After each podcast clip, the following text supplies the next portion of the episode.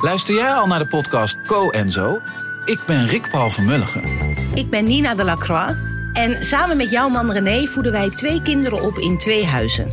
Co-ouderschap. We hebben het over alles wat je daarin tegenkomt.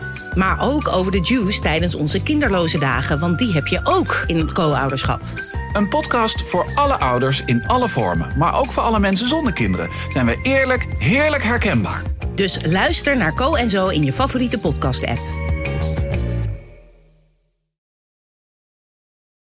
Ik ging een tijdje geleden op bezoek bij Fien en Nathalie. Het zijn twee trouwe relaasluisteraars, toffe mensen ook, die mij ooit eens vertelden dat ze s'avonds in bed voor het slapen gaan naar relaas luisteren. Hey, is er geen belet? Emma Matrassen sponsort deze relaasaflevering en daarom ben ik in bed gedoken met Fien en Nathalie. Is het oké als ik even meega tot eh, in jullie slaapkamer? Tussen hen twee in om wat te praten. Ik heb eh, mijn hoofdkussen meegebracht. Hè? Ah, het raam. Ideaal. Op het einde van deze aflevering hoor je het favoriete relaas van Fien. Een krakende trap van alweer.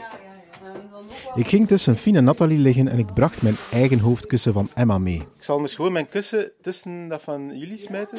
Emma wil dat je goed slaapt, zodat je geweldige dagen tegemoet gaat. Vang jij het hoofdkussen? Hup. Daarvoor verkopen ze matrassen, boksprings en hoofdkussens, allemaal online via emma-matras.be. En ze doen dat op maat. Ze hebben bijvoorbeeld matrassen die extra koel zijn of hybride matrassen met zowel veren als schuim. En momenteel zijn er kortingen tot 55%. En Relaas die doet er nog een schepje bovenop. 5% extra korting als je onze eigen promocode intypt. Relaas05 bij het uitchecken. Dus je kiest je product, wat je wil dus, en op het einde typ je de promocode RELAAS05 in. We gaan een keer testen met Rizzi. Alright. Welkom.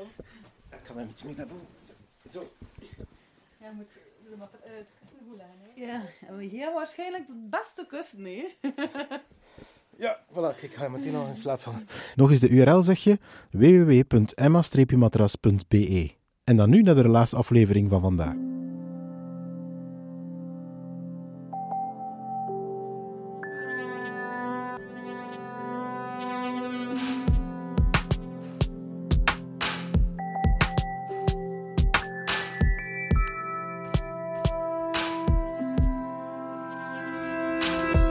Hey, ik ben Pieter van Relaas. In Relaas hoor je waar gebeurde verhalen en die worden verteld door de mensen die ze zelf hebben meegemaakt. We gaan luisteren naar het relaas van Alexander. Ik vond dat eigenlijk een heel interessant relaas om naar te luisteren. Want het is een reisverhaal, maar tegelijkertijd ook weer niet. Reisverhalen hebben we al veel gehad, hè? maar dit verhaal gaat voor mij meer over ambitie. Over hele grote ambities en hoe het leven soms anders erover beslist en er duizend kleine ambities voor in de plaats geeft. Alexander heeft het verteld in Huset in Gent.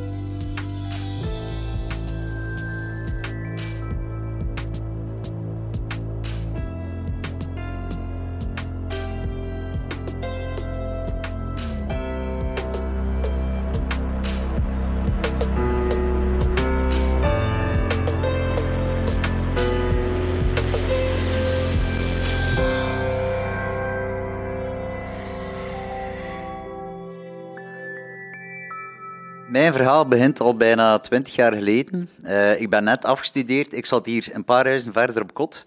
Eh, ik was afgestudeerd als regisseur. Eh, mijn vader was daar nooit helemaal zeker van of dat, dat een slimme richting was om te doen. Want hij zei, maar jongen toch, wat ga je daarmee doen? Maar ik dacht, kijk naar alle shit op tv. Ik kan toch een van de mensen zijn die dat maakt. Dat kan niet moeilijk zijn.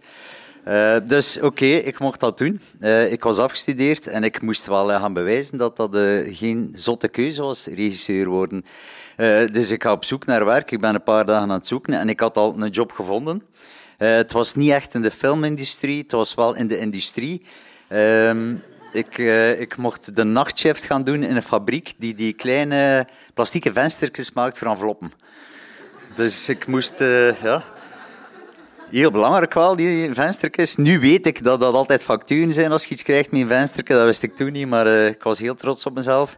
Uh, en al wat ik moest doen, is een hele nacht aan die machine zitten. En om de twee uur moest ik daar een zak plastic korreltjes ingieten. En dat was het eigenlijk. Dus ik heb uh, in die week dat ik daar gewerkt heb, heel die machine gekuist. Dus ik was de werknemer van de week zonder twijfel. En ze ging mij al een vast contract aanbieden. Maar ik dacht, ho ho, hold your horses. Uh, gelukkig had ik een sollicitatie uh, de volgende week. Dus ik mocht uh, op sollicitatie voor een productiehuis.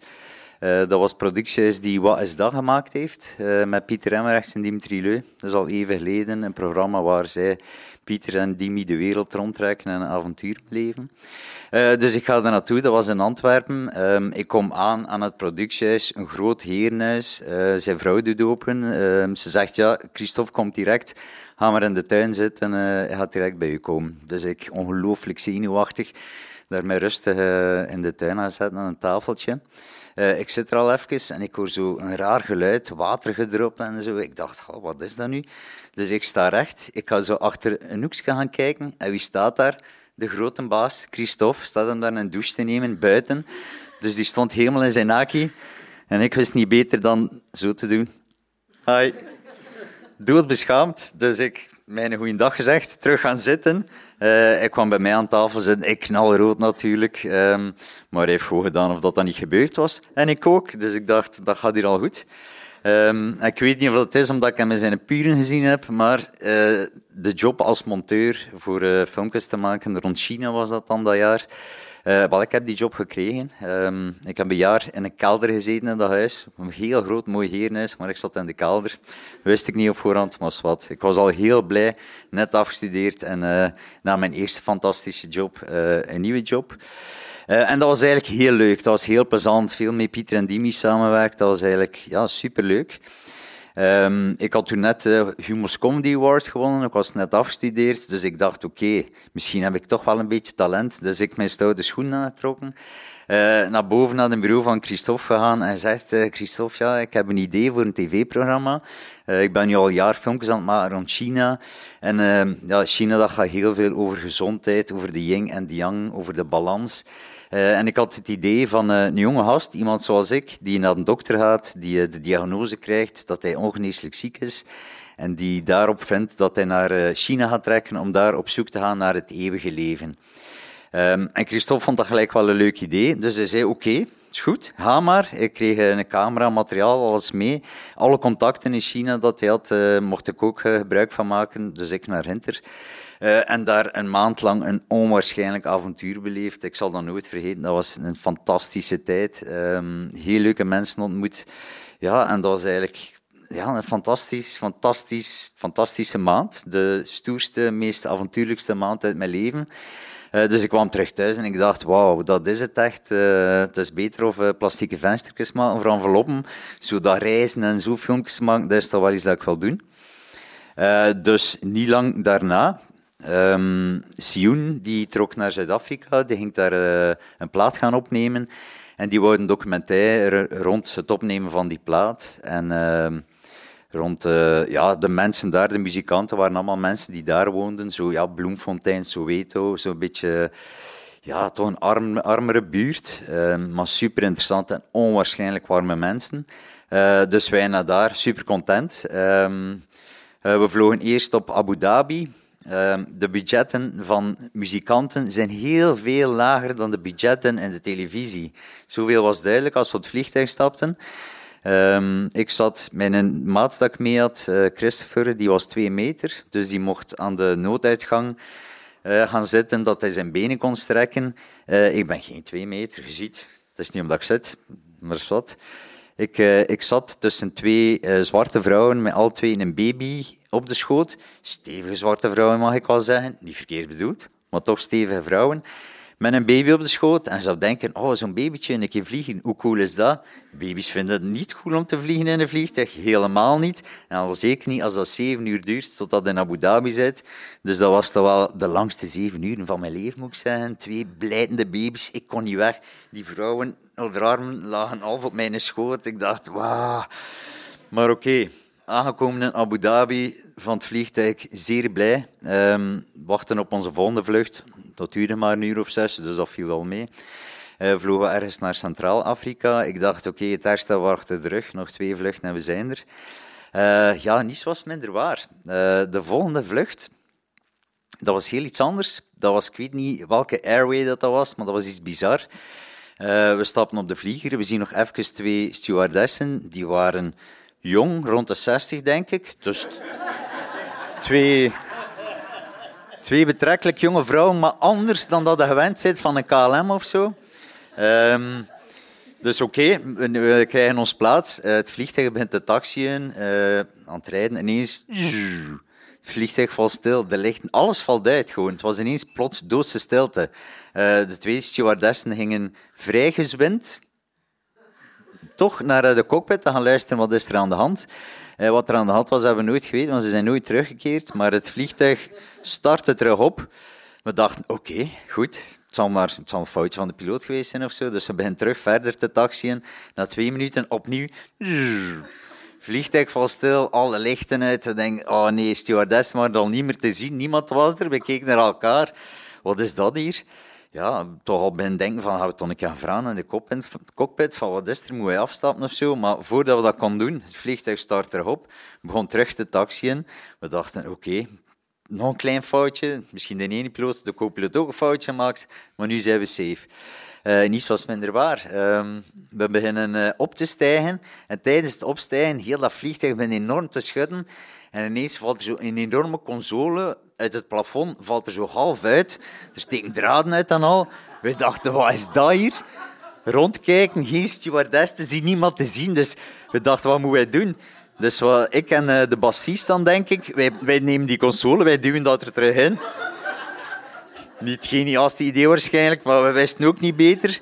Uh, de bassist had duct tape bij. Uh, je weet wat dat zijn, hè? If you can't fix it with duct tape, you haven't used enough. Dus die gebruikte genoeg om dat helemaal toe te plakken. En dat bleef hangen. En het vliegtuig bleef vliegen. En wij zaten nog altijd doodsbang naar elkaar te kijken, maar een paar uur later zijn we toch geland ergens in ja, Centraal-Afrika. Dus heel blij dat we nog leefden. Af van dat vliegtuig, we dachten, wat was dat? Ook niemand niet meer gezien van het personeel bij het afstappen en zo. We, moesten, we hebben zelf, Christer nog een deur open gedaan voor uit te stappen. Dus heel, heel bizar allemaal. Maar ik dacht, oké, we hebben dit nu ook gehad. Smooth vanaf nu. Um, niet dus, niet dus. Uh, het derde vliegtuig van Centraal-Afrika naar Zuid-Afrika dan. Um, dat was eigenlijk de rustigste vlucht, maar ik was enorm moe en ik voelde me ook wel ziek. Um, en ik, ik zag heel slecht, ik begon heel wazig te zien. Uh, ik dacht vooral dat ik gewoon ziek was, dat dat het was. Um, en dat was het ook wel een beetje. Dus we landen, ik denk, uh, we gaan naar een kleine bed and breakfast in Soweto. Uh, ik dacht, ik ga hier met de, dat van Hans eten, een beetje slapen en morgen kan het avontuur terug beginnen. Uh, maar de volgende morgen word ik wakker en uh, mijn rechteroog is helemaal blind. En mijn linkeroog is ook zo was. Ik dacht, oei, wat is dat? En als je als cameraman meegaat voor een documentaire te filmen, dan hij blind. Niet ideaal, niet ideaal. Uh, dus ik vertelde dat aan de crew en ik zei, ja, moet dan een naar een dokter gaan. Dus een van de fixers daar, die zei, oké, we gaan naar een oogkliniek. Dat is hier, dat was ja, in Soweto zelfs. Of iets verder ervan, wat, een oogkliniek, dus we gaan daar naartoe. Oké volgende avontuur. Een uh, ziekenhuis in Afrika. Dus ik dacht, oké, ik leg dat uit aan de dokter. Dat was een oogdokter, dus ik dacht, ik ga die uitleggen. Die had wel een idee hebben. Die doet mij zo'n lapje op, mijn uh, linkeroog. Um, die pakt zo'n zo bord, kent dat met die letters, hè? Die zegt tegen mij, oké, read the bottom line. Maar ik zeg tegen hem, ja, maar ja, I can't see. I can't see anything. I can't read the bottom line. En die dokter, ah, oké, okay. yeah. Oké, okay. dan werd het even stil. dacht oké, dat is niet goed. Oké, read the line above it. dacht, ja, maar ja, ik, I can't see, I can't see any lines. I can't see anything. Ah, oké, oké, oké. Oké. Nog twee minuten later, maybe the line above it. dacht, ja. Ik zei, I can't see really, I see nothing. Ah, oké. En dan snapte hij eigenlijk wat, wat ik bedoelde. Um, en dan ging hij zitten en dan dacht hij even na en dan zei hij, ah, if I look at your age, maybe you have MS. Ik wist niet goed wat dat was. Ik had ook SM verstaan, dus ik dacht, wat heeft dat er nu mee te maken? Wat zoek ik wel gedaan? En... Maar uh, ja, nee, later kwam het dat MS, uh, eh, MS eh, was. Ja, ik zou weer missen, ik zou weer missen. Uh, dus ja, terug naar, uh, naar onze bed and breakfastje. Ik belde naar mijn moeder, die is, heeft veel medische dingen gestuurd. Die heeft veel, maar ik had geen idee wat dat was, MS. Dus ik bel naar haar en ik zeg, ja, die dokter zegt dat ik misschien wel MS heb of zo. Dus ik was redelijk in paniek. Mijn moeder was veel harder nog in paniek, want ik zat in Afrika met misschien MS. En zij wist wat MS was. Dus ik dacht, oké, eh, ja, ik zal een naar huis komen. Dus hebben mij, de, onze fixer heeft mij op een eerste klasse gevlucht. De keer, de laatste keer dat ik eerste klasse gevlogen heb, uh, terug naar, uh, naar Brussel gevlogen. En de volgende dag naar het ziekenhuis gegaan. Heel veel testen en dingen gehad, van alle shocktherapie, te gekke dingen. ook was kans ondertussen. En dan een paar weken mocht ik naar het ziekenhuis gaan. mijn vriendin ging mee met mij naar het ziekenhuis, toch wel een beetje met een bang hartje van, wat gaat het zijn? Uh, dus we komen binnen uh, bij een assistent van een neuroloog. Een neuroloog zien, dat is een beetje gelijk van de ster zien. Dat is zeer uitzonderlijk, dat moet, echt, moet er echt chance mee hebben. Dus de neuroloog begint naar de scans te kijken en zo wat gewichten gaan doen tegen mij. Van ja, ja het is een MS-like beeld, maar misschien is het iets anders. En uh, ik weet het niet goed. En ik dacht, oké, okay, ja. Um, weet het niet goed. Uh, dus ja, dan naar de dokter uiteindelijk. Die deden evenwichtig. Die zaten ook te kijken van, ja, ja... En ze wisten het ook niet goed. En uiteindelijk durfde er toch één zijn. Nee, nee, het is geen MS. Het is een neuritische optica. Oh, ik blij, neuritische optica. Geen idee wat dat was, maar het klonk beter als MS. Hoe langer het woord, hoe beter soms. Um, maar uh, dat was gewoon eigenlijk een ontsteking van de oogzenuw. Dat is het eigenlijk. Dat is helemaal niet erg. Dus dat is langzaam bij een genezen. Zeiden, ja, we weten niet hoe goed dat u zich terug gaat keren. Ik was natuurlijk cameraman af en toe, dus ik hoopte heel goed. Maar dat is eigenlijk zeer goed genezen. Dus ik heel blij. Terug naar Zuid-Afrika, uh, verder dan met de film. Uh, hele mooie tijd daar bleef, met hele mooie mensen, dat moet ik wel zeggen. Um, het is dan eigenlijk jaren later, na nog wat avonturen beleefd hebben, dat ik van de trap kom. Ik had dat nooit vergeten en ik voel, ik voel dat het niet goed gaat met mij. Ik zie ook ineens niet meer goed. Dus ik dacht, is dat nu weer ontstoken? Ik voelde me ook heel onstabiel. Terug naar het UZ. Um, ja, weer assistenten zien weer een hele hoop tests. Altijd gehoord van, wij kunnen niks zeggen. Ik zeg, ja, maar ja, wat zou het kunnen zijn? Het idee. Wij kunnen niks zeggen. Volgens mij konden ze ook niks zeggen. Ze. Die wisten gewoon niet, die deden van alle testjes. Ze wisten niks. En ik ook niet. Dus ik dacht, wat een hoop domme kloten zijn weer toe op in het ziekenhuis, jong. Maar ik wist het ook niet en zij ook niet. Um, dus na een tijd, maar dat heeft veel langer geduurd, want er was minder dringendheid, uh, terug naar het ziekenhuis en ze gingen weer vertellen wat het was. Alweer een assistent. Uh, weer datzelfde, naar de scansen te kijken. Ja, zo wat twijfelen kan ik je gaan overleggen met de neuroloog? Dat, wat een keigoed idee is dat. Doen, doen. Uh, dus die mens uh, ging even naar buiten. Uh, ik zat daar met Chrisje te wachten. Dat leek vier uur, dat was waarschijnlijk tien minuten of zo. en die mens komt terug, hij doet de deur open en met een smile bijna. Hij wist het. Ah, ik weet wat het is, het is toch een mes. En ik dacht, oei. En hij deed de deur dicht en ja, dat, was, dat voelde echt als de deur op mijn leven zoals ik het ken, sloot. Ik zal niet meer de jonge regisseur zijn die de grote avonturen beleeft. Um, ik was ineens een patiënt voor de rest van mijn leven. En dat was wel een beetje angstaanjagend eigenlijk, maar uh, het was niet anders. Um, en dan, ja, dat was het zo. Dan uh, heb ik er wel even niet goed van geweest, moet ik zeggen. Um, ik probeer altijd positief te blijven. Uh, ik heb een vlog, dat noemt de Silver Lining, omdat ik altijd het positieve en het negatieve probeer te zien, maar ik heb er toch een tijdje van afgezien. Uh, mijn vriendin heeft heel veel opgevangen, want ik had ondertussen twee dochters ook. Die eerste, Lisa, die was er net na mijn diagnose, net voor de diagnose, een maand of twee was oud als ik die diagnose had heb. En dan uh, enkele jaar later hebben we nog een kindje gemaakt, met wat twijfel van zou ik dit wel doen. Maar we hebben dat toch maar gedaan, hè, Poepie? Ja, en blij, blij dat we dat gedaan hebben. Het is een schoontje ook, hè? Al twee, al twee. Um, ja, wacht, waar was ik? Dat, dat, dat, heb ik ook soms. Dus MS is een neurologische ziekte en het gebeurt, dat mijn geheugen werkt niet goed. Ik moet gaan zitten omdat ik ook rechtstellen zou kunnen, dat ik ineens omval. En mijn geheugen werkt niet fantastisch. Dus nu ben ik even mijn draad kwijt en probeer het vol te lullen tegen dat ik hem terug heb. Maar wat, ik heb twee dochters nu. Uh, het leven is ook mooi nu.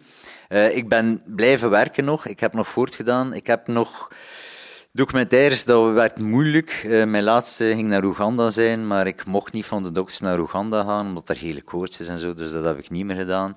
ik heb ze wel mogen monteren, wat pokken saai is. Maar ja, ik heb dat toch maar gedaan. Maar zo heb ik eigenlijk langzaam afgebouwd. En op een dag zit ik op mijn bureau. Ik was een bedrijfje, een nieuw bedrijf gestart met twee mensen. En op een dag heb ik mij een stoel achteruit geduwd. Ik heb gezegd, jongens, ik ben moe, ik ben naar huis. En ben nooit meer teruggekeerd. En uh, ze zeiden toen tegen mij, ah, wel, het werd tijd dat naar huis ging. We zagen dat het moe werd. En uh, voilà, dat was het dan voor het filmen. Uh, maar nu ben ik fulltime papa. Uh, ik val af en toe een keer uit en soms gaat dat nog eens mis met mij, maar dan heb ik een fantastische partner die heel veel shit opvangt van mij, vrees ik. Maar dank je wel daarvoor.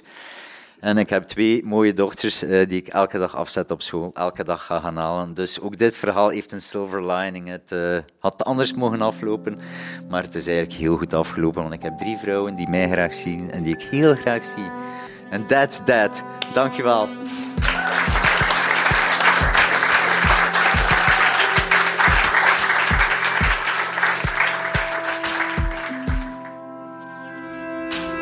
Dat was het relaas van Alexander heeft het verteld in Huzet in Gent.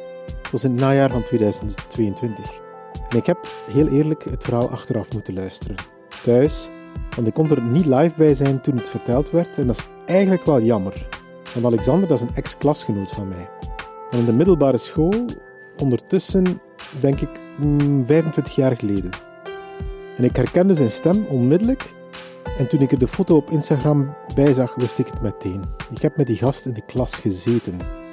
Alexander, merci voor jouw relaas. Wij bestaan dankzij de steun van de afdeling cultuur van de stad Gent en van de Vlaamse gemeenschap. En dankzij het feit dat wij met een team van vrijwilligers de verhalen vinden, dat we die verhalen kunnen coachen, dat we ze podcasten en dat we ze op een podium brengen. Maar ook dankzij onze vrienden van de show. Jullie steunen ons met 2 euro of meer per maand. Dus als ik het goed heb, nog geen koffietje per maand. En daardoor kunnen wij deze podcast gratis houden voor iedereen. En onze vrienden die krijgen extraatjes en dat worden er alsmaar meer. Exclusieve episodes bijvoorbeeld op onze Vriend van de Show pagina. Maar deze zomer gaan we ook een exclusief live event van Relaas organiseren, enkel en alleen voor onze vrienden van de show. Dus als dat geen reden meer is om nu naar vriendvandeshow.be slash relaas te surfen, weet ik het ook niet meer.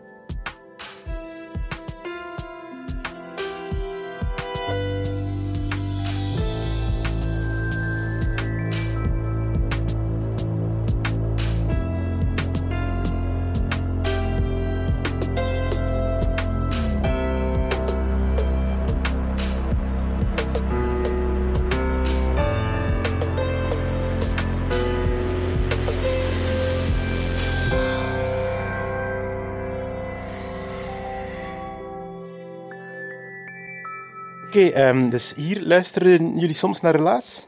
Ja, we luisteren. We zijn in onze slaapkamer en we luisteren hier wel vaak uh, naar Relaas. Lekker knussen. Maar kijk, met, we gaan een keer testen met Rizzi. Wow. Alright. Welkom. Ik ga met iets mee naar boven. Zo.